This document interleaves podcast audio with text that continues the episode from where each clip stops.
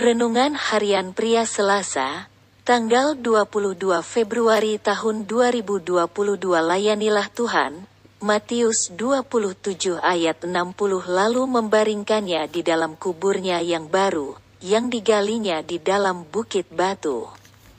Dan sesudah menggulingkan sebuah batu besar ke pintu kubur itu, pergilah ia.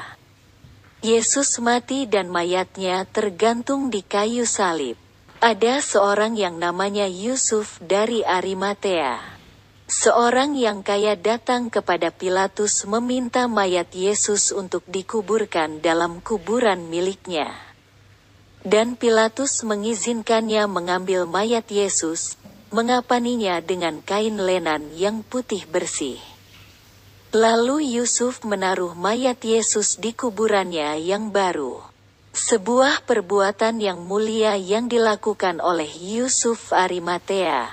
Pasti pada saat itu pasti ada banyak orang-orang kaya.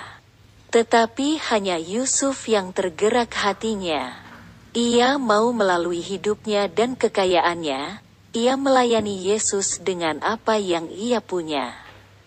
Siapa pun dapat melayani Tuhan dengan apa yang ada padanya. Entahkah ia seorang yang kaya atau tidak, entahkah ia seorang yang tua atau muda, entahkah ia seorang perempuan atau laki-laki. Yang membuat seseorang dapat melayani Tuhan. Pertama karena ia mengenal siapakah Yesus itu. Dan yang kedua, pasti hatinya memberi respon yang benar terhadap panggilan itu.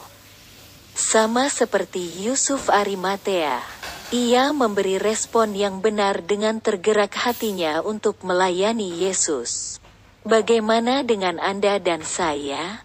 Apakah kita tergerak hati kita untuk melayani Tuhan? Atau kita melayani Tuhan karena terpaksa? Marilah kita melayani Tuhan dengan apa yang Tuhan sudah berikan kepada kita dan untuk kemuliaan namanya saja. Refleksi diri.